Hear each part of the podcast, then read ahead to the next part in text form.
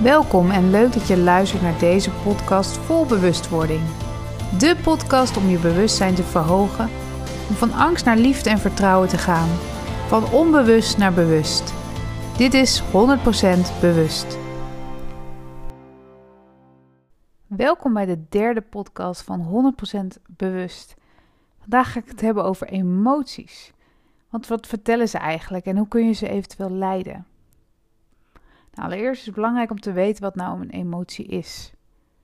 Emotie is een gemoedstoestand, een innerlijke beleving. En een emotie wordt vaak getriggerd door bepaalde situaties die er ontstaan om je heen. Fysiologisch gezien is het een reactie van de hersenen op die prikkel die dan wordt opgewekt. Dat gaat vrijwel automatisch. Er wordt vaak een indeling gemaakt van vier basisemoties: blij, bedroefd, bang en boos. Maar universeel gezien zijn er acht basisemoties. Dat betekent eigenlijk dat elk land en elke cultuur op deze emotie op dezelfde manier waarnemen. Het gaat over liefde, angst, vreugde, woede, verdriet, verrassing of verbazing, schaamte en walging. Het is soms fijn om te weten welke emoties er zijn, zodat je zelf ook bewuster wordt van je eigen emoties. Want wat voel ik nu en waar kan ik dat dan onder plaatsen? Wat is mijn werkelijke emotie op dit moment? Want emotie ervaar je. Dat betekent dat het komt en ook weer gaat. En als je in een emotie blijft hangen, betekent het dat jij eraan vasthoudt. Je houdt je vast aan die emotie. En dan vind je het gewoon moeilijk om dingen los te laten. Het is belangrijk om te kijken waarom jij je zo vasthoudt aan die ene emotie. Dit kan pijn zijn, of een deel in jou die nog in het verleden blijft hangen, of iets wat je eigenlijk ook niet wil loslaten. En je komt dan in die drama van die emoties terecht. Je hebt zelf een keuze om hierin te blijven hangen of niet. Het is raadzaam om daarvan bewust te worden, zodat je die emotie er kan laten zijn maar ook kan laten gaan, zodat jij het dat stukje juist kan loslaten. Want emoties hebben we nodig om onze behoeftes te voelen en te ervaren. Het zorgt ervoor dat je in beweging komt en de dingen gaat doen die goed zijn voor jou. En emoties zijn eigenlijk ook belangrijk in contact met anderen, want je begrijpt elkaar beter en je kunt je beter inleven in de ander. Je gedrag heeft eigenlijk alles te maken met emoties. Want hoe jij je gedraagt is gewoon vaak hoe jij je voelt. Bij kinderen zie je dat nog zo heel puur. Want vaak naarmate je ouder wordt, verstop je steeds vaker je emoties. En vooral vroeger was het eigenlijk nat dan dat je die liet zien. Als je bijvoorbeeld verdrietig was. En boosheid mocht er vaak niet zijn. En dat is eigenlijk nog steeds wel zo. En de emotie blijheid, hè, vrolijk zijn, dat vinden we vaak juist prettig. Maar we vergeten dat natuurlijk verdriet en angst en boosheid ook net zulke emoties zijn als, als dat je blij bent. En je kan niet continu maar blij zijn. En dan onderdruk je vaak eigenlijk de andere emoties. En vaak vinden we die emoties maar lastig en willen we er eigenlijk zo snel mogelijk vanaf, omdat het gewoon niet prettig voelt. Maar de heling zit hem juist in het feit dat jij je emoties mag ervaren, doorvoelen, zodat het juist minder lastig wordt het onderdrukken van emoties kan eigenlijk heel veel gevolgen hebben. Denk aan een burn-out en een depressie. En eigenlijk in het ergste geval zelfdoding. Dat klinkt heel heftig, maar vaak is dat wel door al die onderdrukte emoties en het niet verwerken van bepaalde trauma's. Het is dus van essentieel belang dat emoties gezien mogen worden, gevoeld en gehoord. Je kunt het bijvoorbeeld herkennen als jij je emoties onderdrukt. Als je bijvoorbeeld alles wilt analyseren en verklaren met je hoofd. Je denken neemt het dan eigenlijk over en je overschaduwt je gevoel. Dus je bent continu maar met je hoofd alles aan het verklaren. Je wilt vaak niet de diepte in in gesprekken, want je blijft liever oppervlakkig. Je wilt graag controle houden over het gesprek. Je bent soms zelfs op je hoede in de gesprekken. Dan weet je dat je die emotie onderdrukt. En hoe meer je emoties onderdrukt, hoe explosiever ze eruit kunnen komen. Als, het, als je het toch niet meer onder controle kan houden, dan kan het in één keer explosief eruit komen. Kijk dan waar je al die tijd eigenlijk je emoties hebt ingehouden. Je kan je ook terugtrekken, dat je je helemaal terugtrekt om je emoties onder controle te krijgen. Je kunt ook lichamelijke klachten krijgen als je je emoties onderdrukt. In mijn healings is dat vaak voelbaar. Soms heeft dan een persoon bijvoorbeeld veel buikklachten, maar zit daar een enorm verdriet dat niet losgelaten wordt. Je lichaam geeft feilloos aan als hij iets gewoon niet leuk vindt. Dus luister altijd naar je lichaam en je gevoel. Een emotie kan pas echt helen als het volledig wordt gevoeld en het mag worden losgelaten.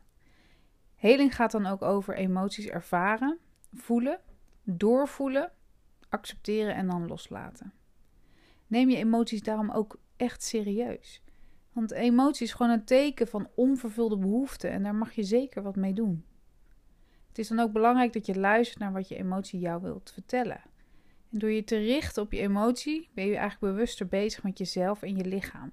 En zo kun je beter je behoeften achter je emotie begrijpen en de actie ondernemen die daar dan voor nodig is.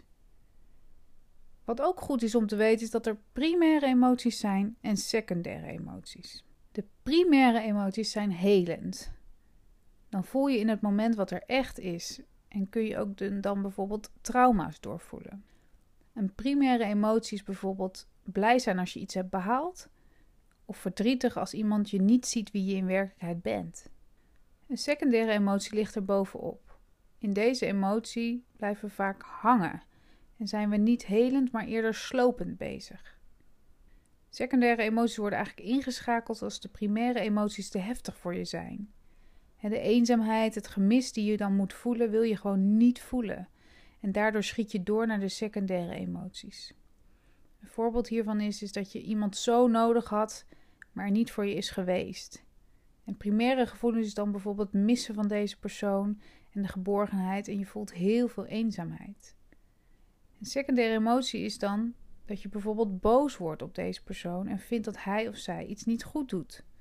Je gaat dan in de verwijten zitten in plaats van voelen wat er werkelijk is. Dus hoe meer jij je primaire gevoelens kunt ervaren, hoe helender het voor je is. Het is ook goed om te weten dat emoties bepaalde functies hebben. Want waarom hebben we ze eigenlijk? Nou, boosheid zorgt bijvoorbeeld ervoor dat jij je grenzen bewaakt. Zo bescherm je jezelf. En als je bijvoorbeeld niet vaak boos bent, dan kan het zijn dat de boosheid er vroeger misschien niet er mocht zijn, waardoor je boosheid vaak vastzet in je lichaam. En vrolijk zijn, je blij voelen, dat zorgt eigenlijk ervoor dat je weer meer energie krijgt. Dat je graag de dingen doet en je weer oplaat. Je bent dan beter in staat om de dingen te doen die je eigenlijk werkelijk wil doen. En vrolijk zijn geeft een echt een helend effect. Je kan dan meer genieten van je leven. En uiteraard zorgt dat voor een goede gezondheid. Maar soms vinden mensen het lastig om echt vrolijk te zijn als een ander dat bijvoorbeeld niet is. Ze voelen zich dan een beetje schuldig tegenover de ander. Maar we zijn ook vaak bang dat, dat we onze blijdschap eigenlijk een soort van verliezen. We vinden het dan moeilijk om het helemaal te ervaren, omdat we dan bang zijn dat we het toch kwijtraken. Dus waarom zouden we dan blij zijn? En de emotie angst zorgt ervoor dat we in veiligheid worden gebracht. Je wordt dan juist extra alert. Je alarmbellen gaan helemaal aan. En als jouw angst er niet mag zijn, dan wordt deze meestal veel groter. Je ontwikkelt dan eigenlijk meer angst voor je angst zelf. En je creëert daardoor nog meer drama in je hoofd. Het wordt dus groter. En dan hebben we ook nog verdriet. En verdriet is nodig voor het verwerken van verlies en geeft ook een behoefte aan aan bijvoorbeeld steun. En door deze steun toe te laten, kan je het verdriet ook beter helen. Het uiten van verdriet geeft ook vaak een heel bevrijdend gevoel. Maar toch vinden we het vaak eng om ons verdriet echt te uiten.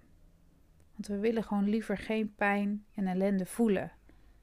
Vinden het vaak heel erg lastig om door de pijn heen te gaan, want we zijn er vaak toch bang voor. Maar je lichaam geeft wel je behoeftes goed aan. Want hoe meer bewust jij bent van jezelf, je lichaam en je gedachten, hoe meer jij je behoeften kunt vervullen en je emoties eigenlijk kunt leiden. Als je moeite hebt om je emoties te uiten, of eigenlijk niet zo goed weet waar jouw emoties vandaan komt, of het primair is of secundair, kan het helpen om te gaan schrijven. Niet vanuit je hoofd, maar vanuit je hart. Dat betekent dat je eigenlijk opschrijft wat gelijk in je opkomt zonder erover na te denken. Hoe raar de zinnen ook zijn, gewoon door blijven schrijven, liefst met pen en papier. En dat eigenlijk minimaal 10 minuten lang, non-stop. En hoe langer je schrijft, hoe dieper je in de lagen van je bewustzijn komt. Het is handig om daar ook een zin bij te nemen. Dat je begint met de zin van: Ik ben verdrietig om. En dat je dan gaat schrijven. Om dit te doen heb je wel rust nodig en een moment om even te voelen en ruimte te nemen voor je eigen gevoelens. Dus doe het altijd als je alleen bent. En door je gevoelens juist dat podium te geven, zul je zien dat ze eigenlijk sneller voorbij gaan. Je kan ze sneller loslaten. Emoties hebben gewoon erkenning en bewustwording nodig om te helen. En dat is ook wat ik eigenlijk in een healing sessie doe. De blokkades zijn vaak de emotionele blokkades die je dan vasthoudt in je systeem. En soms is het van lang geleden, toen je nog kind was. En als die emoties zich laten zien en gevoeld mogen worden, dan begint pas eigenlijk de heling. En de angst om dat aan te gaan is soms zo groot dat we ons overweldigend kunnen voelen door onze emoties. Maar je bent je emoties niet. Je ervaart ze en ze gaan voorbij. Alles gaat voorbij. In de healing sessies zijn sommige emoties ook verbonden met bepaalde lichaamsdelen. Zo zit verdriet vaak bij de longen, het borstgebied, en boosheid bij, bij de lever en de gal, bovenbuik. Denk aan galspuw en wat heb je op je lever. En gevoelens van eenzaamheid of lege gevoelens zit vaak in de onderbuik. Blijkbaar sla je dus onbewust je emoties op op bepaalde plekken in je lichaam. Het belangrijkste is om dus niet tegen je emoties te vechten, maar om juist dankbaar ervoor te zijn. Het zorgt er namelijk voor dat jij jezelf kunt helen en situaties steeds makkelijker aan kunt gaan als jij je emoties toelaat. En dat is echt een bevrijding. Ik hoop dat je meer bewustzijn hebt gekregen over emoties in deze podcast. En wil jij meer weten over emoties of wil je eens een healing ervaren? Kijk dan even op mijn website www.mirandabeuk.nl. Of als je vragen hebt, mag je me altijd mailen op info.mirandabeuk.nl. Bedankt voor het luisteren. Bedankt voor het luisteren naar deze podcast. Leuk dat je erbij was. Wil je nog meer weten over persoonlijke groei? Kijk dan even op mijn website mirandabeuk.nl. Vond je deze podcast inspirerend? Geef dan een leuke review en abonneer of volg deze podcast zodat je niks kunt missen om van angst naar liefde en vertrouwen te gaan. Heb jij nu zelf een situatie waar je in vastloopt? Stel je vraag dan via mijn website bij De Bewuste Vraag. En ik zal deze zo snel mogelijk voor jou gratis beantwoorden. Bedankt voor het luisteren.